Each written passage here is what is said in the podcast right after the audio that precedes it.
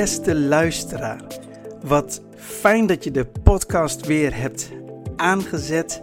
En als je mij al een tijdje volgt, dan weet je ook dat het even geleden is dat ik een podcast heb opgenomen. Maar ik ben weer voornemens om wekelijks weer een podcast op te nemen.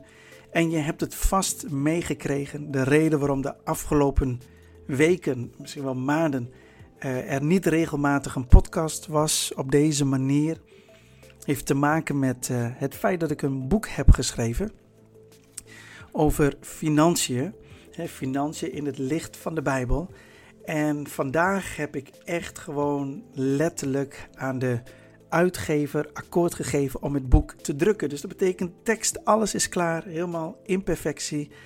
En um, wordt allemaal heel spannend.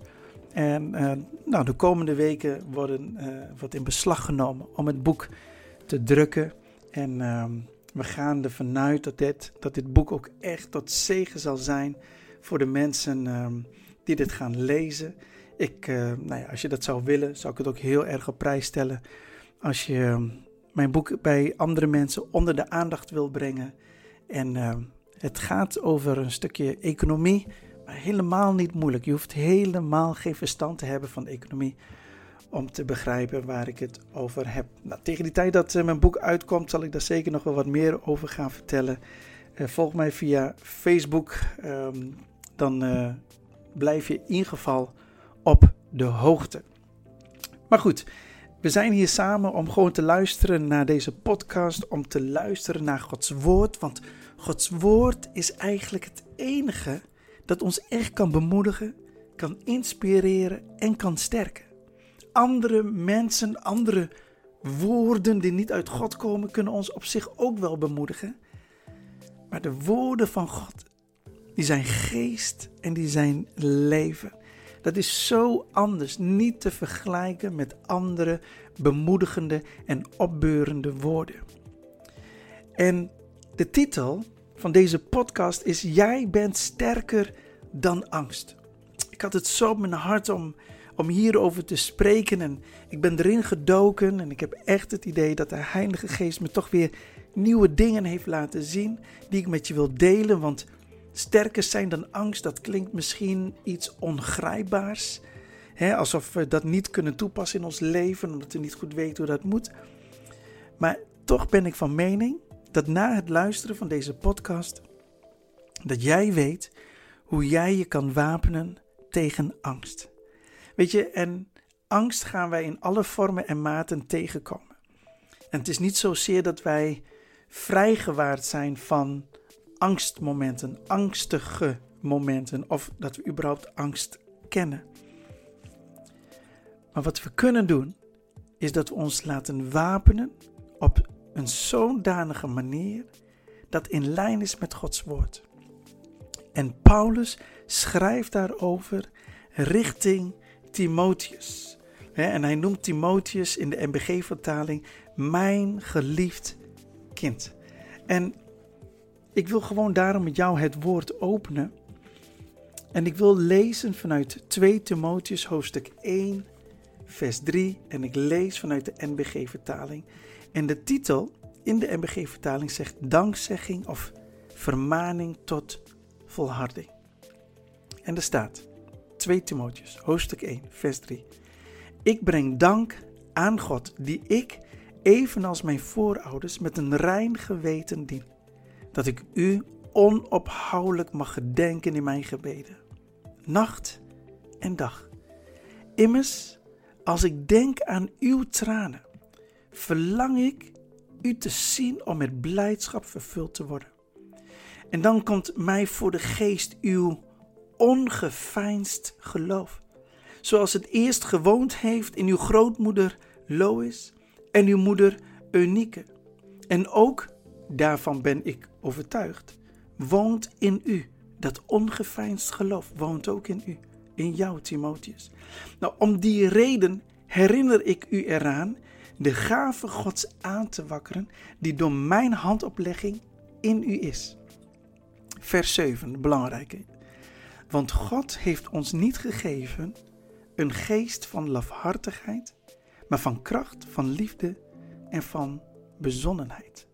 Schaam je dus niet voor het getuigenis van onze Heer of voor mij, zijn gevangenen, maar wees mede bereid voor het evangelie te leiden in de kracht van God, die ons behouden heeft en geroepen met een heilige roeping. Niet naar onze werken, maar naar zijn eigen voornemen en de genade die ons in Christus Jezus gegeven is voor eeuwige tijden, doch die nu geopenbaard is door de verschijning van onze heiland Christus Jezus, die de dood van zijn kracht heeft beroofd en onvergankelijk leven aan het licht gebracht heeft door het evangelie. Even tot zover. Dit stuk ken je misschien al en met name vers 7, want God heeft ons niet gegeven een geest van lafhartigheid, maar van kracht, van liefde en van bezonnenheid. En als je deze tekst al vaker hebt gehoord, dan, uh, ja, dan heb je zoiets van: oké, wat gaan we hier nog uithalen? En dat idee had ik namelijk ook. Maar toen ik dieper het woord ging induiken, zijn er toch een paar dingen naar boven gekomen. En ik ga je proberen om gewoon al verhalend en vertellend je mee te nemen in datgene wat God mij heeft laten zien. Wat God eerst liet zien aan mij is vers 7. Want God heeft ons niet gegeven een geest van lafhartigheid. Een geest van lafhartigheid, angst. Wat, wat belangrijk is om te weten is, God heeft ons dat niet gegeven. Met andere woorden, als je deze situatie merkt, en weet je, het woord lafhartig, dat, dat is best wel agressief, en toch ga ik het even zo gebruiken. Als we die lafhartigheid merken in ons leven, dan weet je in ieder geval één ding. Dit is niet van God. Punt. En omdat het niet van God is, mag je opstaan. Sterker nog, moet je opstaan. Want God zegt, want God heeft ons niet gegeven een geest van lafhartigheid. Dat heeft hij ons niet gegeven. Dat is niet voor ons. Dat is niet voor ons bestemd. Dat we ermee worden geconfronteerd, dat is wat anders. Maar God heeft het ons niet gegeven. Op een of andere manier kwam dat bij mij binnen. Ik hoop dat het ook bij jou binnenkomt. Dat je in ieder geval die onderscheiding des geestes kan, kan maken. Ja, maar dit is niet van God. Daar hoef je niet over te twijfelen. Dan staat er maar wat heeft God ons dan wel gegeven? Een geest van kracht, van liefde en van bezonnenheid. Nou, als je hier wat dieper op ingaat, dan, dan, dan weet je eigenlijk dat, dat Paulus zegt tegen Timotheus: wat God ons wel heeft gegeven, is de Heilige Geest die in jou woont. En alleen Hij kan jou geven kracht, liefde, bezonnenheid. Dus dat, je hoeft dit dus niet zelf te creëren. Het is niet jouw kracht, het is niet jouw liefde en het is niet jouw bezonnenheid. Het is gegeven. Dus God heeft niet gegeven een geest van lafhartigheid. Wie hij wel heeft gegeven is de Heilige Geest en dat gaat gepaard met kracht, liefde en bezonnenheid. Pak je dat? Nou, laten we even die drie even heel kort doorlopen. Want als het gaat om het woord kracht, dat is in het Grieks dynamisch. En dynamisch is eigenlijk de kracht die de discipelen ontvingen toen de Heilige Geest over hen was uitgestort. Dus dit is al überhaupt niet de kracht van jou. Dit is de kracht, de dynamisch van God. Dus het woord kracht kan alleen maar in jouw leven actief zijn, zoals Paulus dat heeft bedoeld, als de Heilige Geest in jou woont. En de Heilige Geest heb je van God ontvangen. Amen? Oké. Dan gaan we naar het woord liefde. Het woord liefde is agape hier in 2 Timotheus hoofdstuk 1 vers 7. Dit is een goddelijke liefde. Dit is de zelfopofferende liefde. Dit is niet de liefde die jij zelf creëert vanuit je eigen vlees. Nou, en Paulus leert ons in het boek Romeinen dat de liefde God in ons is uitgestort. En dat de Heilige Geest in ons woont en dat het door de Geest is uitgestort. Dus hier gaat het over goddelijke liefde. En dan gaat het om bezonnenheid. Nou, En bezonnenheid betekent eigenlijk denken zoals God denkt. Dus het gaat hier om een goddelijke denkwijze. Dus het gaat er niet om wat jij denkt als mens, maar de bezonnenheid in 1 Timotheus of in 2 Timotheus hoofdstuk 1 vers 7 is de bezonnenheid van God, de bezonnenheid van de Heilige Geest, zoals God denkt. Het is een goddelijk denken. Oké? Dus het is niet het denken zoals jij denkt. En dat is ontzettend belangrijk om te weten. Nou, nou zei ik net dat wij niet de geest van lafhartigheid hebben ontvangen. En ik had het over onderscheiding. Nou, hoe kun je merken dat een geest van lafhartigheid grip op jou begint te krijgen? Nou, in plaats van kracht ervaren, ervaar je krachteloosheid. Dat je niet meer de kracht hebt om dingen te doen, de kracht hebt om dingen op te pakken, futloos. Terwijl je weet dat deze dingen die je wilt oppakken van God zijn. Hoe merk je dat de geest van lafhartigheid nog meer grip op jou heeft gekregen? Op het moment dat jij je eenzaam voelt. Waarom dan? Omdat de liefde drijft elke angst uit. En de liefde is een persoon. En zijn naam is Jezus. Maar op het moment dat je die liefde niet meer zodanig ervaart en veel meer die eenzaamheid, alsof je het alleen moet doen, alsof God je heeft verlaten, alsof niemand voor jou is, dat iedereen tegen jou is. Als je in dat soort denkpatronen komt en dat ook als het ware begint te geloven, hmm, dan, dan, dan moet er wel een belletje gaan rinkelen. En dan heb je over um, en bezonnenheid. Nou, dat heb ik net al gezegd. Bezonnenheid is denken zoals God denkt. Maar als die geest van lafhartigheid grip op jou krijgt, dan merk je dat je veel meer denkt ehm, als mens.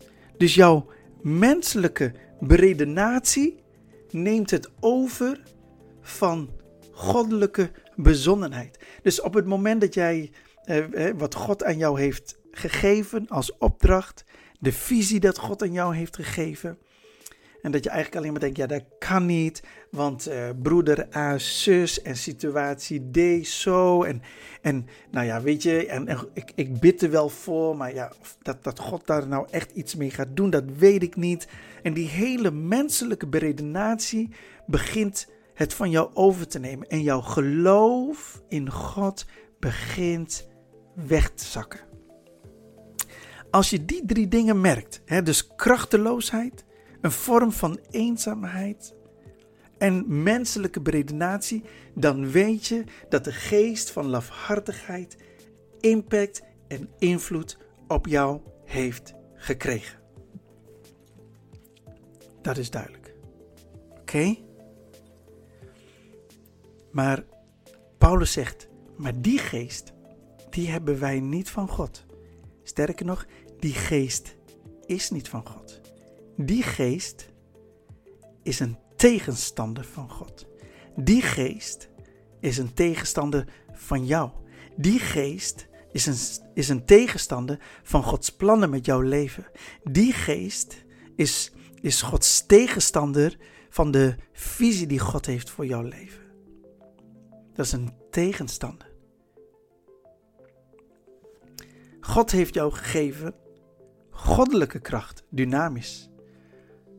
Goddelijke liefde, agape. En denken zoals God. Dat heeft ook een Grieks woord, die spreek ik niet uit, ik, dat kan ik niet zo goed. Het is wat lastiger. Maar dat is een goddelijk denken. Oké. Als je het woord bezonnenheid gaat bestuderen en je gaat wat dieper in de, uh, de, dieper de materie in van wat betekent dat nou, dan heeft bezonnenheid sowieso twee betekenissen. Het betekent ten eerste zelfbeheersing, gegeven door de geest. En ten tweede gedrag dat, dat past bij de situatie, gegeven en geïnspireerd door de geest. Dus zelfbeheersing en gedrag dat past bij de situatie. Weet je, als er angst ontstaat, als je geconfronteerd wordt met angst, heeft dat altijd effect op de wijze hoe je denkt. En die angst probeert de wijze zoals jij denkt, zoals God denkt, probeert hij aan het wankelen te krijgen. Nog een keer. De angst probeert om het denken zoals God denkt aan het wankelen te krijgen. Dus even een concreet voorbeeld. Je bent enthousiast over het plan dat God met jou heeft. En dat heeft best wel uitdagingen. Maar jij hebt zoiets met God is alles mogelijk. Dit gaat mij lukken. Op het moment dat je, dat, dat je die gedachte hebt, dan gaat het goed. Maar de tegenstander, oftewel in dit geval angst, die gaat proberen om die denkwijze van God, jouw geloof in God aan het wankelen te krijgen. Maar de Heilige Geest wilt jou dus op het moment dat je met, met angst en lafhartigheid geconfronteerd wordt, wilt Hij dat jij, in, ehm, dat jij met Zijn hulp in de zelfbeheersing modus raakt. Dat betekent concreet dat ook al wil de angst dat jij niet meer denkt zoals God, toch blijf je denken zoals God denkt, ondanks, ondanks de geest van angst jou aanvalt. En dat je dus niet in paniek raakt, maar dat je zelfbeheersing laat zien door de kracht van Gods geest. Dus de geest van angst komt op je af, die verwacht dat je begint te schreeuwen en te doen en dat je in paniek raakt. Maar je raakt niet in paniek en je begint niet te schreeuwen en je begint niet te schoppen en te slaan. Sterker nog, je gedraagt je gewoon beheerst. Er is een goddelijke vorm van zelfbeheersing in jouw leven te bespeuren, omdat de Heilige Geest jou daarbij helpt. En dat gedrag past bij de gegeven situatie. Door de kracht van de Heilige Geest. Dus die geest van angst had dus verwacht dat jij een gedrag zou vertonen. Dat is echt, even plat hè, overdreven. Echt enorm emotioneel. Dat is gewoon echt niet te, te filmen meer. Dat, het, het is het, um, niet meer passend. Echt overdone gewoon. Maar in plaats van dat de geest van angst die, dat gedrag ziet in jouw leven, ziet hij een gedrag dat past bij de situatie. Het ziet er zo zelfbeheerst uit. Het is zo volwassen. Het is zo steady. Het is zo vol van kracht. Het is zo vol van liefde. Het is zo vol van bezonnenheid. Zo vol van geloof. Het is wauw. En dat die, dat die geest van angst begint te merken dat hij geen grip meer heeft op jou. Jij bent sterker dan angst. Kun je me volgen? Ik, ik ben zelf namelijk ook nog steeds aan het mediteren over dit woord. Omdat ik merk dat God ook tot mij wilt spreken hierover. Om in elke situatie wat, wat God jou geeft om te doen. Dat je ook bepaalde angsten niet alleen durft te overwinnen, maar ook vooral durft te confronteren. Die confrontatie is stap 1. Dat overwinnen is stap 2 wat mij betreft. Maar dat je ook geconfronteerd, geconfronteerd durft te worden met een vorm van angst. Omdat die angst jouw tegenstander is en je wil tegenhouden. Maar eh, hoe mooi zou het zijn als de geest van angst bang wordt van jou. En ik ben verder gaan zoeken, hè, want ik, ik focus me met name even op het woord bezonnenheid. Want ik zie ook wel dat, dat het wordt uitgelegd dat bezonnenheid, um, nuchterheid, dat dat wordt uitgelegd van, dus jongens, we moeten wel nuchter blijven. We moeten wel in balans blijven. We moeten geen gekke dingen doen. Ik ben het daar in die zin niet mee eens als we dat zeggen dat wij nuchter moeten zijn op basis van menselijk denken. Dan ben ik het er gewoon niet mee eens. Sterker nog, het is niet eens bijbels. De bezonnenheid waar Paulus het over heeft, is nogmaals, ik herhaal en ik benadruk, is de bezonnenheid die voortkomt vanuit de Heilige Geest. En dat betekent dus even heel concreet dat wil je bezonnenheid van de Heilige Geest toepassen in je leven, dan kan het wel eens heel raar overkomen voor de mensen om je heen en dat ze zeggen: jij bent niet meer in balans, je bent niet meer nuchter, want je doet echt hele gekke dingen.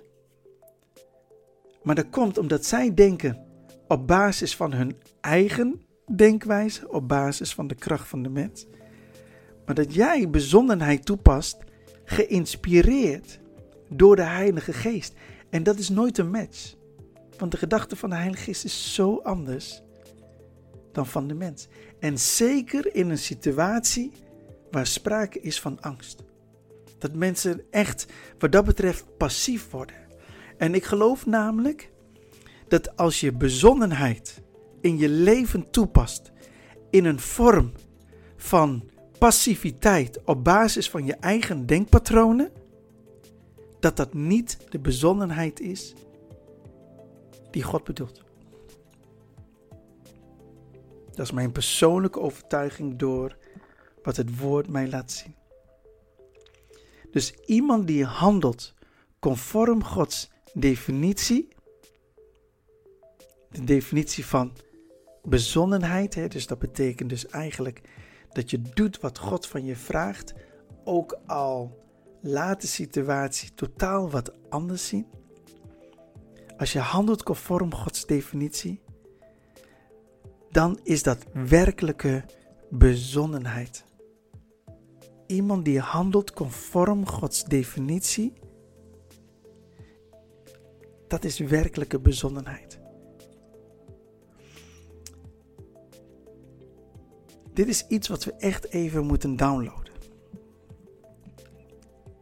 Want ik predik niet dat je nu maar radicale stappen moet zetten, want jij wilt de bezonnenheid van de Heilige Geest. Dat hoor je mij niet zeggen. Wat je mij wel hoort zeggen is als de Heilige Geest iets tegen jou heeft gezegd om te doen. In een situatie dat best angstig is. En je doet het, terwijl de hele wereld om je heen zegt niet doen. En je doet het omdat God het tot je zegt. Of tegen je heeft gezegd. Dat is ware bezonnenheid. En dat gaat best diep. Want dat moet je durven. Want wat doet de geest van lafhartigheid? Die zegt: Wat denkt je man hier wel niet van? Wat gaat je vrouw dan zeggen? Wat gaat je omgeving hiervan zeggen? Weet je het zeker dat je daar zoveel geld aan wilt uitgeven? Want wat krijg je daarvoor terug? Weet je zeker dat je ontslag gaat nemen bij deze uh, werkgever waar je nu werkt? Weet je zeker dat je de baan die is aangeboden, dat je daar ja tegen zegt? Want is dat niet een hele duistere branche? Is, weet je, maar als God iets tegen jou heeft gezegd, wauw. Ik weet nog heel goed dat voordat ik bij de Rabobank ging werken, voordat ik bij Credits ging werken, heb ik nog ongeveer zeven maanden bij de Rabobank gewerkt. En toen ik uh, die keuze had gemaakt, zeiden letterlijk christenen tegen mij: Weet je wel zeker dat jij de juiste keuze hebt gemaakt? Omdat, nou, en hadden ze hun eigen beredenatie. Ik ben achteraf blij dat de Heilige Geest mij de zelfbeheersing gaf en mij het gedrag gaf dat paste bij de situatie. En wat was mijn gedrag dan? Doorzetten. Ondanks alle mitsen en maren van de mensen om ons heen. Of om mij heen in dit geval. En in de ogen van de mensen om mij heen was dit geen bezonnenheid. In Gods ogen en in mijn ogen wel. We zijn inmiddels 12,5, 13,5 jaar verder. En dat was de beste keuze die ik kon maken, maar dat weet ik nu. Maar als ik me had tegen laten houden door de geest van lafhartigheid en niet, en niet had doorgezet, dat ik nooit kunnen doen wat ik nu doe. En wat betekent dit concreet voor jou? Is het nu niet aan jou om door te zetten? Of merk je dat de angst sterker begint te worden door, dan, dan dat jij bent? Maar de geest van God woont in jou. Jij bent veel krachtiger. En je bent niet alleen. De liefde, de persoon, Jezus, woont in jou door zijn geest. En welke wijsheid is nou beter? Welke bezonnenheid is nou beter? Die van jou, die van de mensen om jou heen of die van God? En als je zegt dat de bezonnenheid van God beter is, dan zeggen we daarmee eigenlijk ook dat we die bezonnenheid moeten volgen. Ik hoop dat je mij in ieder geval even kan volgen in wat ik wil uitleggen. Ik wil ook even een paar voorbeelden noemen om weet je, dit gewoon wat concreter te maken. En net voordat ik de podcast opnam, liet God mij nog iets zien wat ik echt heel graag met jullie wil delen. Maar laten we heel even gaan, ik ga het hier ook even opzoeken, naar Exodus hoofdstuk 14. Exodus, Genesis, Exodus hoofdstuk 14, waarin we zien dat een heel volk de zelfbeheersing helemaal kwijtraakt door angst. Exodus hoofdstuk 14, vers 10. Nou, weet je, ehm, het volk van God was natuurlijk uh, uitgetrokken onder leiding van Mozes en toen stonden ze voor de Schelfzee. En daar staat uh, in vers 10, toen Farao naderbij gekomen was, sloegen de Israëlieten hun ogen op en zie, de Egyptenaren rukten achter hen aan. Let op wat angst doet. Toen werden de Israëlieten zeer bevreesd en schreeuwden tot de Heer. Schreeuwen. Bevreesd zijn en schreeuwen. Weet je, we kunnen lachen om dit, om dit volk. Maar wat doen wij? Schreeuwen wij soms in onze binnenkamer? Schreeuwen wij in ons hart en zijn we bevreesd? Dit volk was echt bevreesd. Hier zie je dat ze die zelfbeheersing waar ik het net over had, die, die bezonnenheid, waren ze compleet kwijt. Ze waren volledig in beslag genomen door de geest van lafhartigheid, wat mij betreft. En ze toonden ook geen gedrag dat bij de situatie past. En zeker niet als je al die wonderen en tekenen van God al hebt gezien. Ja, dan zou eigenlijk een passend gedrag zijn om te zeggen: Nou, weet je, ik heb het al tien keer gezien. De elfde keer zal ook nog wel komen. En de twaalfde keer, en de dertiende keer, en de veertiende. Omdat je God hebt leren kennen. En dan staat er in vers 14: Dit is wat Mozes zegt. De Heere zal voor u strijden en gij zult stil zijn. De reden waarom ik dat aanhaal is omdat zij bevreesd waren en schreeuwden. En Mozes vraagt hier om een tegenovergesteld gedrag. Gij zult stil zijn. Hij zegt niet, gij zult naïef zijn, gij zult dom zijn, gij zult alles negeren. Dat is niet wat hij zegt. Maar wij hebben geen geest van lafhartigheid ontvangen. Wij hebben de geest van God ontvangen. En hij is vol van kracht en liefde en bezonnenheid. Gedraag je, dat past bij de situatie. Eigenlijk zegt Mozes gewoon even heel plat: doe normaal. Heerlijk toch? En dan staat er in vers 15: Toen zeide de Heere tot Mozes: Wat roept gij zo luid tot mij? Zeg tot de Israëlieten dat ze opbreken. En gij, hef uw staf op en strek uw hand uit over de zee en splijt haar. Dan zullen de Israëlieten midden door de zee kunnen gaan op het droge. Hier komt de bezonnenheid van God. Want God geeft opdracht aan Mozes om iets te doen wat in het natuurlijke gezien niet kan. Wat moet Mozes dan doen? Hij moet zijn staf, hij moet zijn hand uitstrekken richting de Schelfzee of over de Schelfzee en dan splijt hij open. Ja, dag. Dat gaat dus echt niet gebeuren, hè? Ja, dus wel. Het gebeurde dus wel. Dus in die tijden van angst, dat het volk begon, begon te schreeuwen, zegt God eigenlijk tegen Mozes: Doe iets waarvan het volk zegt: dat kan niet, dat gaat niet helpen, dat gaat niet de oplossing geven. En functioneer vanuit mijn bezonnenheid. Doe maar wat ik je zeg en luister niet naar de vrees en het geschreeuw van het volk. Jij, Mozes, hebt niet de geest van lafhartigheid ontvangen, maar mijn kracht is met jou, mijn liefde is met jou en mijn denken is ook met jou. Mijn bezonnenheid, denk zoals God denkt. Kun je daar amen op zeggen? Dat is toch geweldig? Ik heb nog een, nog een voorbeeld, gewoon om je daarmee te bemoedigen en, en, en dat er sowieso een, een voorbeeld tussen zit uh, waar je gewoon wat mee kan. En dat je dan ook voor jezelf dat kan gaan toepassen. En misschien moeten we ons ook wel bekeren, hè? Dat we gewoon zeggen van, god, die, die bezonnenheid, die kan ik ook wel gewoon wat meer toepassen. En je hoorde me ondertussen ook gewoon bladeren en ik ben naar Esther, hoofdstuk 4 gegaan. En dan ga ik naar vers 16 en vers 17. De confrontatie met angst, hè, dat, dat is in ieder geval even wat ik op basis van deze twee versen wil laten zien. Koningin Esther. Vanaf vers 15 begin ik toch maar. Toen zeide Esther dat men Mordechai zou antwoorden: Ga heen, vergader al de Joden die zich in Susan bevinden en vast om mijnentwil, eet nog drinkt drie dagen, zo min des nachts als des daags. Ook ik en mijn dienaressen zullen op dezelfde wijze vasten.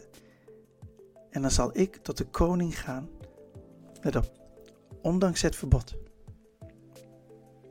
Daar kom je echt wel een stuk angst tegen, ondanks het verbod. En dan zeggen ze: Kom ik om, dan kom ik om. Wauw. Ze was bereid om haar leven te geven, maar het betekent totaal niet dat ze niet angstig was. Maar ze werd geconfronteerd met angst, maar ze besloot om de confrontatie met angst aan te gaan. Ze besloot om de confrontatie met angst aan te gaan. En dan staat er in Esther hoofdstuk 5, vers 2 tot en met 3. Toen de koning koningin Esther in de voorhof zag staan, won zij zijn genegenheid en de koning reikte Esther de gouden scepter toe die hij in zijn hand had. Esther kwam daarop nader en raakte de spits van de scepter aan. Esther stond in de voorhof en dat was het moment dat ze geconfronteerd werd met angst, want ze wist niet hoe de koning zou gaan reageren. Maar de koning reikte de gouden scepter toe. En dat betekent dat als koningin Esther de spits van de scepter zou aanraken, nou, dan was zij in ieder geval vrij om te gaan. En eigenlijk had ze ter dood gebracht kunnen worden als je ongevraagd naar de koning zou gaan. Maar nee, ze was vol van kracht, vol van liefde van God voor het volk en bezonnenheid. Het denken van God. Ze had het denken van God als het ware gedownload. Van wat moet ik doen? En, en dat ze daarin mocht fungeren. En dat de angst voor haar eigen leven. Ze, ze, ze, ze liet zich gewoon confronteren met angst. Om te laten zien: ik ben sterker dan angst, want God is met mij. En tegelijkertijd laat ze ook een instrument zien. Wat je kracht geeft om in dit soort situaties uh, juist te kunnen handelen. En dat is bidden en vasten. Dan heb ik ook nog iets moois, nog een voorbeeld uh, in uh, Nummerie. Nummerie, even kijken, hoofdstuk 13. Terug, hoofdstuk 13. En er staat in vers 27, gaat over de twaalf verspieders en zij moeten het beloofde land gaan verspieden. Hoofdstuk 13, vers vers 27. Zij verhaalden hem dan en zeiden: Wij kwamen in het land waarheen gij ons gezonden had. En ja, het vloeit van melk en honig, en dit is zijn vrucht. Het volk echter, dat in het land woont, is sterker, en de steden zijn ommuurd en zeer groot. En ook de kinderen van Enak zagen wij daar. Amalek woont in het zuiderland, de Hethieten, Jebusieten en Amorieten wonen in het bergland. De Canaanieten aan de zee en aan de oever van de Jordaan. Nou, dat is in ieder geval wat ze zeggen. Ze geven het verslag. Ze laten weten, ja, het land is goed. Wat God aan ons wilt geven is goed, is hartstikke mooi.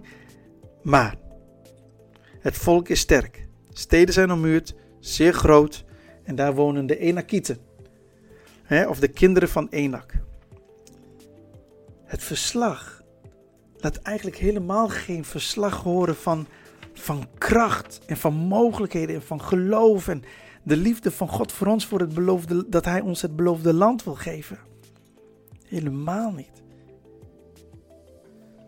En dan gebeurt er dit. Even kijken of ik dat goed doe. Ja, in vers 30. In vers 30, Caleb, die had een hele andere geest. Hè? Er staat, daarop trachtte Caleb het volk tot bedaren te brengen tegenover Mozes en zeide, laat ons gerust optrekken en het in bezit nemen, want wij zullen het zeker kunnen vermeesteren. Hier zie je dat Caleb heeft de bezonnenheid van God. Het denken zoals God denkt. Maar de Bijbel zegt, daarop trachtte Caleb het volk tot bedaren te brengen. Het volk was de zelfbeheersing al helemaal kwijt. Dit is wat angst doet. Echt, het was niet meer tot bedaren te brengen. Het was helemaal van de leg. En dan staat er in nummer hoofdstuk 14 vers 1. Toen verhief de gehele vergadering haar stem en het volk weende in die nacht. Het volk was niet meer tot bedaren te brengen. Het volk verhief haar stem en weende. De geest van lafhartigheid had volledig grip gekregen op hen. Volledige grip. Ik hoop dat ik je met deze drie voorbeelden in ieder geval heb kunnen laten zien hoe dat, hoe dat werkt. En dat, dat het dus aan ons is om niet van de leg te raken. En, en hoe doe je dat dan? Hier komt het. Door het woord van God echt te kennen. Want het woord van God zorgt ervoor dat je kan blijven denken zoals God denkt, ook al is de situatie angstig of uitdagend. En ik zei net dat, dat de Heilige Geest net wat tegen mij zei voordat ik deze podcast ging opnemen. En dat wil ik ook met jullie delen. En daarvoor gaan we uh, naar Jozua. En dat is een hele bekende naar Jozua hoofdstuk 1 vers 8. Jozua 1 vers 8. En er staat... Dit wetboek mag niet wijken uit je mond, maar overpijnt het dag en nacht, opdat gij nauwgezet handelt overeenkomstig alles wat erin geschreven is, want dan zult gij op uw wegen uw doel bereiken en zult gij voorspoedig zijn. Heb ik u niet geboden, wees sterk en moedig. Sidder, sidder niet en word niet verschrikt, want de Heere, uw God, is met u overal waar gij gaat. Het was net alsof de Heilige Geest tegen mij zei: Dat is de reden waarom ik tegen Jozua heb gezegd dit wetboek mag niet wijken uit uw mond. Want Jozua zou echt nog wel angstige momenten kennen en tegenkomen zodra hij de Jordaan moet oversteken, tegen Jericho moet vechten, tegen Ai moet vechten, tegen al die Iten die in het land zijn, dat hij diverse angstige momenten zou kennen en dat hij geconfronteerd zou worden met angst. Maar als wapen tegen angst heb ik tegen hem gezegd: Dit wetboek mag niet wijken uit uw mond. En hij moest handelen overeenkomstig alles wat in Gods woord is geschreven. Wat de situatie ook zij of zegt in jouw geval. Dat je niet mocht afwijken naar links of naar rechts. Want weet je, dat is wat angst wil doen. Angst wil ervoor zorgen dat jij gaat afwijken naar links of gaat afwijken naar rechts, zodat jij niet je doel gaat bereiken. En daarom zegt God tegen hem: wees sterk en wees moedig. Mijn woord heb je nodig om je doel te bereiken. Want als je gaat afwijken van wat ik tegen jou heb gezegd, dan ga je je doel niet bereiken en ga je ook niet voorspoedig zijn. Maar als jij je niet door je tegenstander gek laat maken, dan kun je je doel bereiken zodat je goddelijke bezonnenheid gaat toepassen. Ik vond het zo geweldig dat God me dat liet zien. Echt, ik word hier blij van, ik word hier enthousiast van. En ik weet dat ik al een tijdje onderweg ben, maar ik moet nog met één ding, met één ding, moet ik gewoon eindigen, want we komen uit bij Jezus. Wat hij heeft laten zien, ook als mens. En dan ga je naar Matthäus hoofdstuk 4. Jezus gaat naar de woestijn. Jezus gaat naar de woestijn. Hij wordt daar naartoe geleid door de geest. In Matthäus 4 en vers 1, ja, de verzoeking in de woestijn. En als je dit kent, dan weet je dat, dat Jezus zegt, uh, er staat geschreven. Dus Jezus was vol van de geest en hij had de bezonnenheid van de geest. En hij greep terug naar het woord, want hij was fysiek zwak en de verleidingen waren groot. Het was zo verleidelijk voor Jezus om zijn zelfbeheersing te verliezen. En het was zo verleidelijk voor hem om een gedrag te tonen dat niet zou passen bij zijn situatie en ook niet bij wie hij zou zijn als zoon van God. Dat was zo groot. En door het woord en door te luisteren naar Gods geest, behield hij zijn zelfbeheersing en, en toonde hij een gedrag dat past bij de situatie om sterker te zijn dan angst, om sterker te zijn dan verleiding en zo als mens vervuld met Gods geest, gewapend met Gods woord, echt de duivel te kunnen overwinnen. En dan moet ik met één vers echt eindigen. En zeker als ik deze podcast heb genoemd, jij bent sterker dan angst. Dan staat er in Matthäus 4, vers 11. Toen liet de duivel hem met rust. Toen liet de duivel hem met rust. En dit is wat de duivel doet, jou met rust laten, als jij die bezonnenheid van God gaat toepassen in je leven. Ook al is jouw vlees het er niet mee eens, ook al zijn de mensen het om je heen er niet mee eens, maar als jij van God hebt gehoord en als jij weet hoe God denkt, doe dat dan. Zoals de moeder van Jezus tegen de bedienden zeiden op de bruiloft te Cana, wat hij u ook zegt, doe dat. Jij bent sterker dan angst. Heilige Geest, dank u wel voor dit moment en ook weer dat u me helpt om weer gewoon een podcast op te nemen en gewoon om, om de luisteraar te bemoedigen met het woord. Want wat is uw woord krachtig? En ik bid u, Heer, dat de woorden geest en leven zijn in de harten van de mensen. En misschien ging het hier en daar gewoon wat af en toe van de hak op de tak. Of uh, trad ik in herhaling. Maar ik geloof dat u het woord heeft gezegend. En dat dit mensen bemoedigt. Ik wil u zo bidden, Heer. Wilt u mijn broeder, wilt u mijn zuster? Wilt u ze helpen om uw denken, uw bezonnenheid, bezonnenheid gegeven door de geest, dat die echt toegepast gaat worden en kan worden in en ieders leven. In zijn leven, in haar leven. Dank u wel. En ik wil u zo bidden, Heilige Geest, dat u het zo in ons gaat bewerken. Dat uw dynamisch, uw goddelijke kracht, uw agape, uw goddelijke liefde en uw bezonnenheid, denken zoals God denkt, echt manifest wordt in ons leven. En dat de angst zelf angstig begint te worden. Voor kinderen Gods, vervuld met zijn geest, vervuld met uw geest en vervuld met uw woord. Dank u wel dat dit woord waarachtig tot eer en glorie van uw naam gesproken is en de mensen heeft opgebouwd. In Jezus' naam alleen. Amen.